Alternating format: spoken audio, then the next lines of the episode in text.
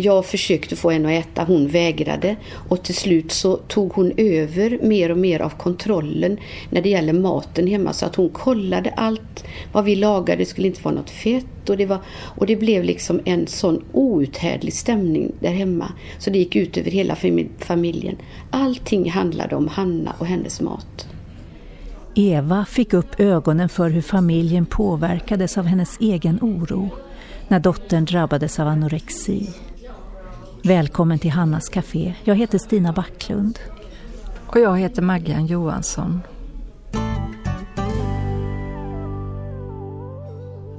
Det har forskats en hel del om ätstörningar.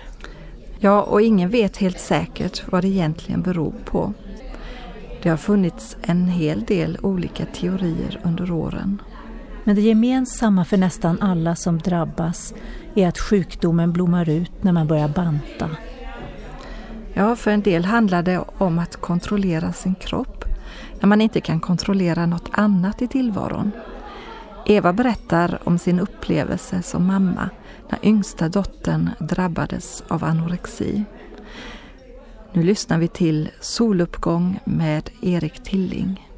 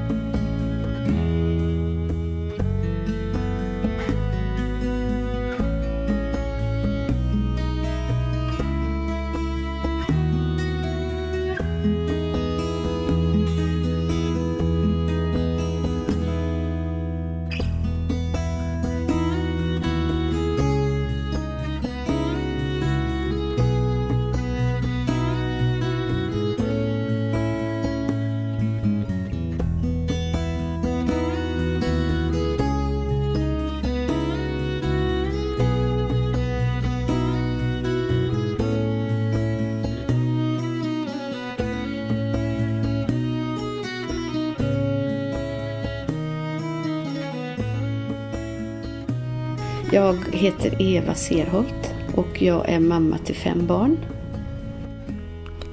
Evas oro började redan som liten. Pappans oroliga sinne blev en del av henne själv. Det skulle ta många år innan hon förstod hur denna oro kontrollerade hennes liv.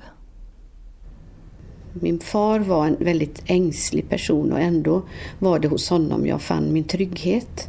Och det är klart att om man då om en, ens pappa är orolig så blir det ju liksom lite grann vävt in i en själv en oro när man tänker att det mesta är farligt och, och man funderar på hur man ska klara det och sådär. Så jag minns när jag växte upp att jag väntade alltid på nästa katastrof. Och det var ju inte så roligt för ett barn att uppleva så. Men, men så minns jag att jag hade det även om min pappa var min stora trygghet. Sen var det inte ett lyckligt äktenskap de mina föräldrar hade så det gjorde nog också sitt till. Att det var inte harmoni hemma. Men, men i alla fall jag växte upp och jag blev tonåring och träffade min man tidigt när jag var 15 år. Och, och sedan gifte vi oss när vi var 19 och eh, fick fyra barn på fem år. Det gick några år och så kom Hanna, ett efterlängtat sladdbarn som blev hela familjens stora glädje. Det var fantastiskt med henne. Hon var också en riktig liten solstråle. Hon sjöng alltid och alla älskade henne och fick mycket kärlek. Ingenting fick hända barnen. Oron gjorde att Eva ville lägga allt till rätta för dem. Men det här som med min, min egen oro, den eh, tror jag präglade mycket utav hennes fostran och också de andra barnens fostran att jag var alldeles för överbeskyddande. Så att de fick inte den här friheten att göra fel och skada sig lite här och där utan då fanns jag där och rättade till och, och skyddade och, och, så här så att inte det skulle vara någonting som blev fel. Och det, det, har jag upptäckt långt senare i livet att lämna mer, mycket mer utrymme åt sina barn så att de både kan få göra fel och skada sig lite och, och upptäcka att det, går, det kan bli bra nästa gång och, och så här. Mor och dotter hade en väldigt tajt och kärleksfull relation. Men friheten och det egna utrymmet var begränsat för Hanna. Det var svårt att pröva de egna vingarna eftersom Eva alltid låg steget före. Hon fick inte den möjligheten för jag fanns alltid där och, skyddade och vägledde och rådde henne i allt. Liksom, för hon, det var, hon var liksom lite grann centrum i, i hela familjen men i mitt liv mycket också. Så märkte hon att Hanna började jämföra sig med sin kompis. Allt de gjorde blev som en tävling. En dag skulle hon sluta äta godis. Eva tänkte att det nog var nyttigt eftersom hon hade lite tonårshull. Hon hanade ingenting. Sedan efter ett tag, när hon kom hem på eftermiddagen från skolan, så skulle hon inte ha mellanmål. Och då blev det lite tuffare. Då blev det våra första konfrontationer kan jag säga. Som vi, vi hade inte haft mycket utan vi hade varit liksom, haft väldigt fin relation. Då, då blev det tufft för då sa jag att det, du kan ju inte gå utan mat ända från lunch och ända till kvällen utan du måste ju ha ett mellanmål och det gick inte. Ingenting kunde rubba henne. Hon skulle inte äta något mellanmål. Då började min oro liksom öka. Jag tänker, eh, det här känns inte bra. Och så en gång när vi var i en butik och skulle köpa så kommer hon fram till mig och frågar mig om ett par byxor. Tycker du de här är fina mamma? Och så ser jag henne och plötsligt ser jag att hon har säkert gått ner en 6-7 kilo. Och jag hade inte märkt någonting. Då blev jag, alltså om jag hade varit orolig för det så blev jag riktigt rädd ska jag säga. Nu började dragkampen mellan Eva och Kanna att förstärkas. Jag försökte få henne att äta, hon vägrade och till slut så tog hon över mer och mer av kontrollen när det gäller maten hemma så att hon kollade allt vad vi lagade, det skulle inte vara något fett och det, var, och det blev liksom en sån outhärdlig stämning där hemma så det gick ut över hela familjen. Allting handlade om Hanna och hennes mat. Eva fick till slut kontakt med professionella människor som arbetar med personer som har drabbats av anorexi. Trots att Hanna hade rasat en hel del i vikt så var det ändå positivt att hon inte hade gått ner ännu mer. Och till slut blev situationen så ohållbar och så fruktansvärt jobbig så att vi satt en morgon, minns jag, hela familjen. Då grät vi alla och visste inte vad vi skulle ta oss till. Och då säger hon själv så här, mamma kan du inte ringa till ett sånt där anorexicenter? Och det hade, den tanken hade liksom inte funnits utan vi hade tänkt att det här klarar vi nog. Men det gjorde vi inte. Och då gjorde vi det och möttes av en sån fantastisk en varm, god röst och någon som visste precis vad detta handlade om. För vi hade sökt hjälp överallt men ingen hade förstått sig på det här problemet. Men där kände vi att vi fick all den hjälp som vi behövde. Då fick hon åka dit och få samtal i början men eh, hon var inte så illa däran så att hon gick ner och det sa de att det var också positivt att hon inte hade, att vi hade tvingat henne att äta var positivt för annars skulle hon varit ännu sämre kondition. Men hon, hon var ändå så pass dålig så att vi fick in henne där på åtta veckor. Och då minns jag att jag tänkte så här, hur ska de klara detta? För jag minns att jag, vi hade ju ingen makt över henne men som jag ser det idag så förstår jag att det skulle vi inte heller ha för att det var en frigörelseprocess hon gick igenom. Och den var så pass tuff på grund av att jag hade så överbeskyddat henne. Nu är kanske inte detta den enda saken i den här problematiken utan det finns, fanns andra bitar i, i detta som gjorde, tror jag, för att anorexi är ganska komplicerat. Eva inser att hennes oro var en del av problematiken. De starka reaktionerna från dottern var bland annat en del i frigörelseprocessen från mamma. När man ser det från mitt perspektiv så inser jag att min oro hindrade henne. Och det tror jag att jag skulle vilja säga till alla oroliga mammor och kanske pappor också. Att oron är det som är hindret. Försök släppa taget om ditt barn så tror jag att mycket kan lösa sig. Men det är det som är det svåra, det är det man inte riktigt vågar. Så att därför så behöver man hjälp utifrån. Och det trodde inte vi, så därför så hade vi alldeles förfärligt hemskt hade vi det där hemma. Och det gick ut över syskonen. De, alla fick det ju jobbigt och ingen tänkte på något annat än denna situationen. Den var bara så helt ohållbar. Det finns en orsak till varför vi har fått två öron och en mun. Och ändå är det så lätt att använda munnen mer än öronen. Låt inte din egen oro få en central plats när du umgås med ditt barn, utan hjälp ditt barn istället att bli flygfärdig. Här eh, tänker jag också på en annan sak, om man kan älska ett barn för mycket.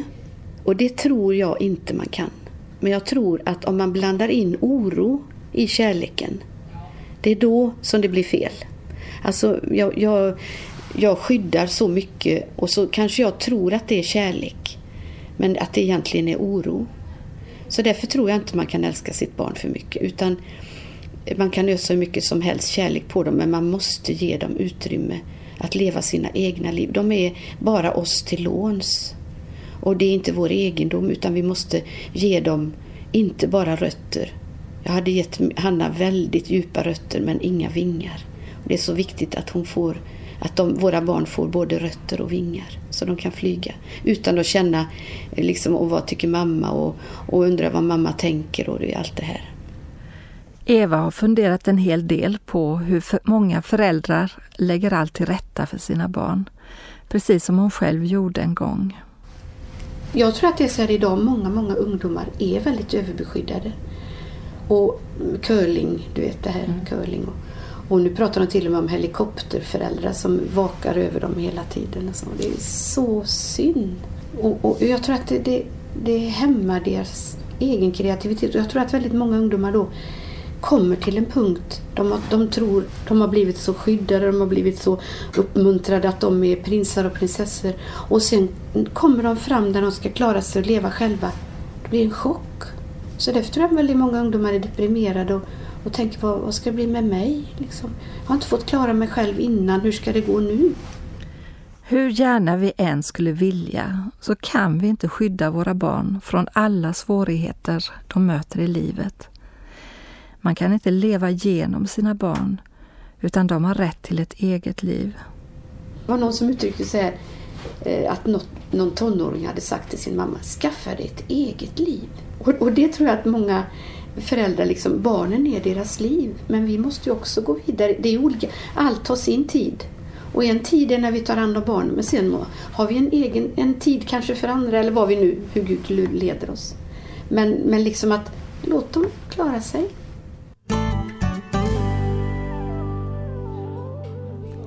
Jag känner igen mig själv i mycket av det Eva berättar om oro och rädsla. Jag har själv en dotter i övre tonåren och det här med att släppa kontrollen och låta henne ta eget ansvar för sitt liv, det tycker jag är svårt. Ja, det är jättesvårt. Man får verkligen öva sig. Vi ska snart få höra Eva berätta om hur hon med tiden vågade överlämna sin oro till Gud. Evas son Ola har gjort en sång som han har tillägnat sin syster. Låten heter Flyga.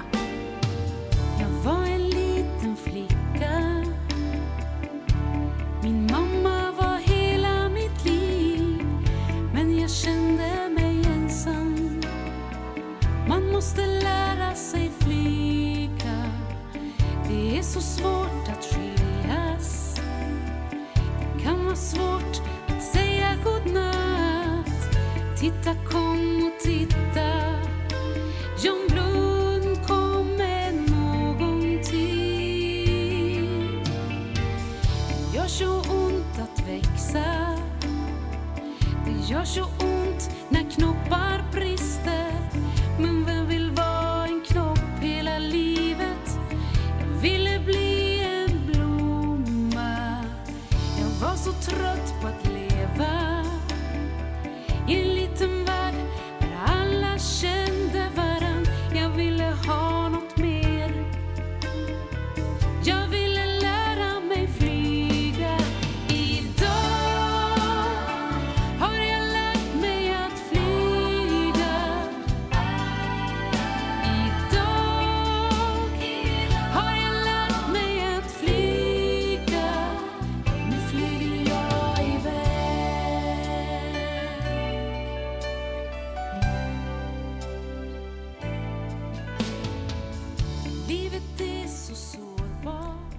Oron griper så lätt tag i oss människor.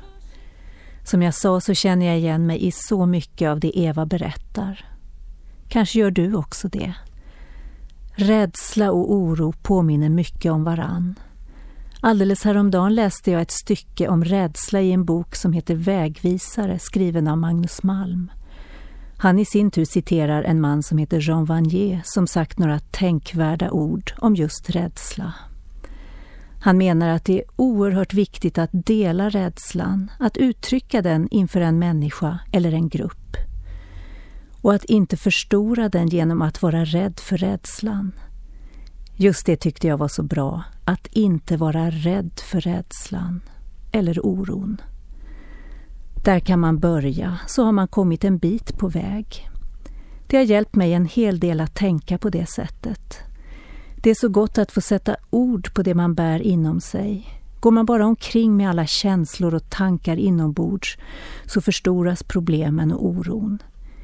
I min bön till Gud har jag också börjat släppa fram precis allt jag bär inom mig. En osensurerad bön. Och det känns välgörande. Och där kan tilliten till Gud sakta växa fram. Först vetskapen om att han finns närvarande hos mig varje sekund. Han som inte är främmande för någon enda tanke eller känsla. Sen kan jag öva mig i att släppa taget mer och mer och överlämna min oro tillsammans med allt annat i mitt liv till honom som bär allt. Jag vill läsa några verser ur en psalm i Bibeln. Endast i Gud har du din ro, min själ, ty från honom kommer mitt hopp. Endast han är min klippa och min frälsning, min borg, jag ska inte vackla. Hos Gud är min frälsning och min ära, min starka klippa, min tillflykt har jag i Gud. Förtrösta alltid på honom, du folk, utgjut era hjärtan för honom. Gud är vår tillflykt. Ofta är väl oron för våra barn något av det svåraste att släppa. Vi älskar dem så mycket och vill skydda dem från allt farligt som kan hända. Jag har själv delat den våndan med en nära vän och det kändes så gott när hon sa att Gud älskar din dotter mycket mer än du någonsin kan älska henne. Han har omsorg om hennes liv. Eva vågade så småningom släppa taget om sin oro. Hon berättar vidare. Och jag, jag kan säga att det var väldigt mörkt. Och jag minns när jag gick eh, på kvällarna ut, gick runt promenader och grät, för jag ville inte gråta så hon skulle se det. Så gick jag promenader och grät och sa till Gud, var är du? Och det var på något sätt som att alla mina andra böner kändes oviktiga. Det var bara den här bönen. Jag kände liksom, svarar inte Gud på den här bönen, hur ska jag kunna tro att han vill svara på några andra böner? Så därför minns jag att jag tänkte, liksom, var är du Gud? Och, och, och jag måste få, få bönesvar, du måste hjälpa mig med detta. Och så minns jag att jag tänkte, den, den här tanken kom upp där det står att ska också ni gå bort, står det i Bibeln på ett ställe när Jesus säger till sina lärjungar, ska också ni gå bort? Och då minns jag att jag tänkte, vart skulle jag gå? Jag hade ingenstans att gå, liksom detta var mitt enda hopp att Gud skulle hjälpa oss. Och det gjorde han ju, men det tog så lång tid och det var så smärtsamt. Men idag, när jag ser tillbaka, så är jag glad att jag gick igenom det, för annars hade jag inte blivit fri. Jag minns en gång när det var som allra, allra värst och jag sov dåligt på nätterna. Eh, men jag hade slumrat till och så minns jag att jag hörde så tydligt Gud talar till mig genom en sång som ni säkert många känner till som slutar så här. Det är mörkt nu men det blir ljusare igen. Och då fick jag ett litet hopp även om det var det var väldigt tufft hela vägen men på något sätt så fanns det någonting där i botten att det skulle ljusna. Och det fick jag till mig från många olika håll. Just detta med att det skulle ljusna. Och det gjorde ju det också till slut. Eva var tvungen att göra upp med sin oro men hon behövde inte göra det på egen hand. Ja, det var ju detta att jag hade min oro och varje gång när jag märkte att oron påverkade Hanna negativt så var jag tvungen att lägga ner den och lita på Gud istället. Det var liksom det som var själva processen och det var det som var så svårt. För jag var ju, hela jag var programmerad att oroa mig. Hela jag var en, en orolig person. Och jag var van vid att hela tiden försöka lösa det själv och fundera och, och, och ont i magen och hela det här. Men, men där var jag, jag blev tvingad att lägga ner min oro och lita på Gud. Och det var ju inget som skedde från ena dagen till den andra utan det tog ju de här åren. Och, och det kanske inte är 100% färdigt än men det, gjorde, det var väldigt mycket som, som eh, blev bättre eller som hände med mig. Så att jag kan ju känna att um, när det kommer oro, för, för nu är jag inte orolig för henne. Det är klart det kan dyka upp någon enstaka gång när jag tycker att hon borde uh, äta lite mer. Eller, men, men jag lägger mig inte i det längre och jag ser att varje gång när jag vill liksom krypa på mig så kan jag bara säga till mig själv det som jag hörde Gud säga en gång. Jag tar hand om Hanna. Jag klarar av henne. Det, det blir inte ditt problem. Och det var det som var själva processen då. Att tro på det, att han tog hand om henne.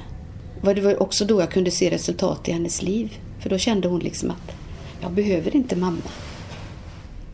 Ju mer Eva släppte taget om sin egen oro och lämnade över den till Gud, desto bättre mådde både hon och Hanna. I en saltarsalm står det Jag lyfter mina ögon upp till bergen, varifrån ska min hjälp komma? Min hjälp kommer från Herren som har gjort himmel och jord. Vi kan inte kontrollera deras liv och vi ska inte göra det heller så att vi får lämna över det ansvaret till Gud och så får vi bara ropa till honom att han tar hand om dem och det gör han.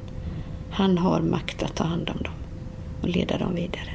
Han har allt i sin hand, han har allt under kontroll så jag behöver inte ha det. Livet innehåller alla årstider. När vintern håller på att släppa sitt grepp kan man höra fåglarna sjunga igen. Det blev som om de åren var en vintertid i mitt liv.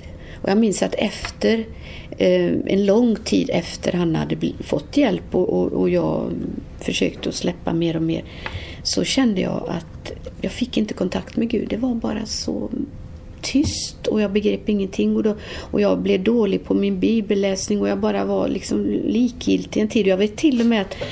Och då vet jag en gång jag bara såg en psalmbok ligga framme hemma och jag bara tog den och liksom bara öppnade den så här och då följde upp en psalm som är ungefär så här.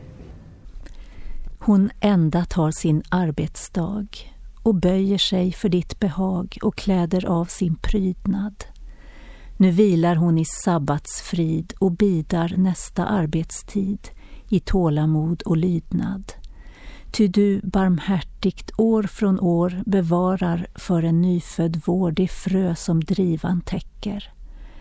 Det lever i sin mörka grav, du lyfter snart dess täcke av, din sol det återväcker. Vi ber en bön tillsammans. Gode Gud, du vet hur rädda och oroliga vi människor många gånger är. Tack för att vi får vara oroliga hos dig och tack för att du kan hjälpa oss att släppa taget om det som oroar oss. Jag ber att vi ska våga lita på att du är som en stadig och trygg klippa där vi får vara med hela våra liv. Tack för din omsorg och kärlek. Amen. Vi har eh, en son som, som dog för några år sedan och han gjorde mycket musik. Och han skrev eh, en sång till mig som eh, hette Ut i frihet ut, på djupa vatten ut. Jag kallar dig, lyft din blick, se på mig, jag har en plan för dig. Och så han såg ju det tydligt att jag behövde komma ut ur min oro.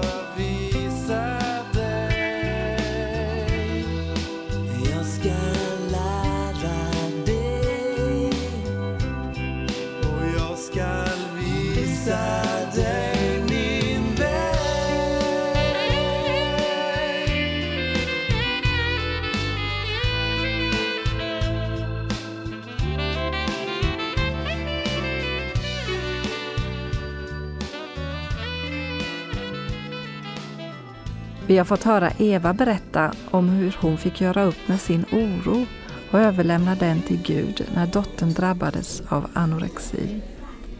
Hör gärna av dig till oss. Adressen kommer här. Ta väl hand om dig.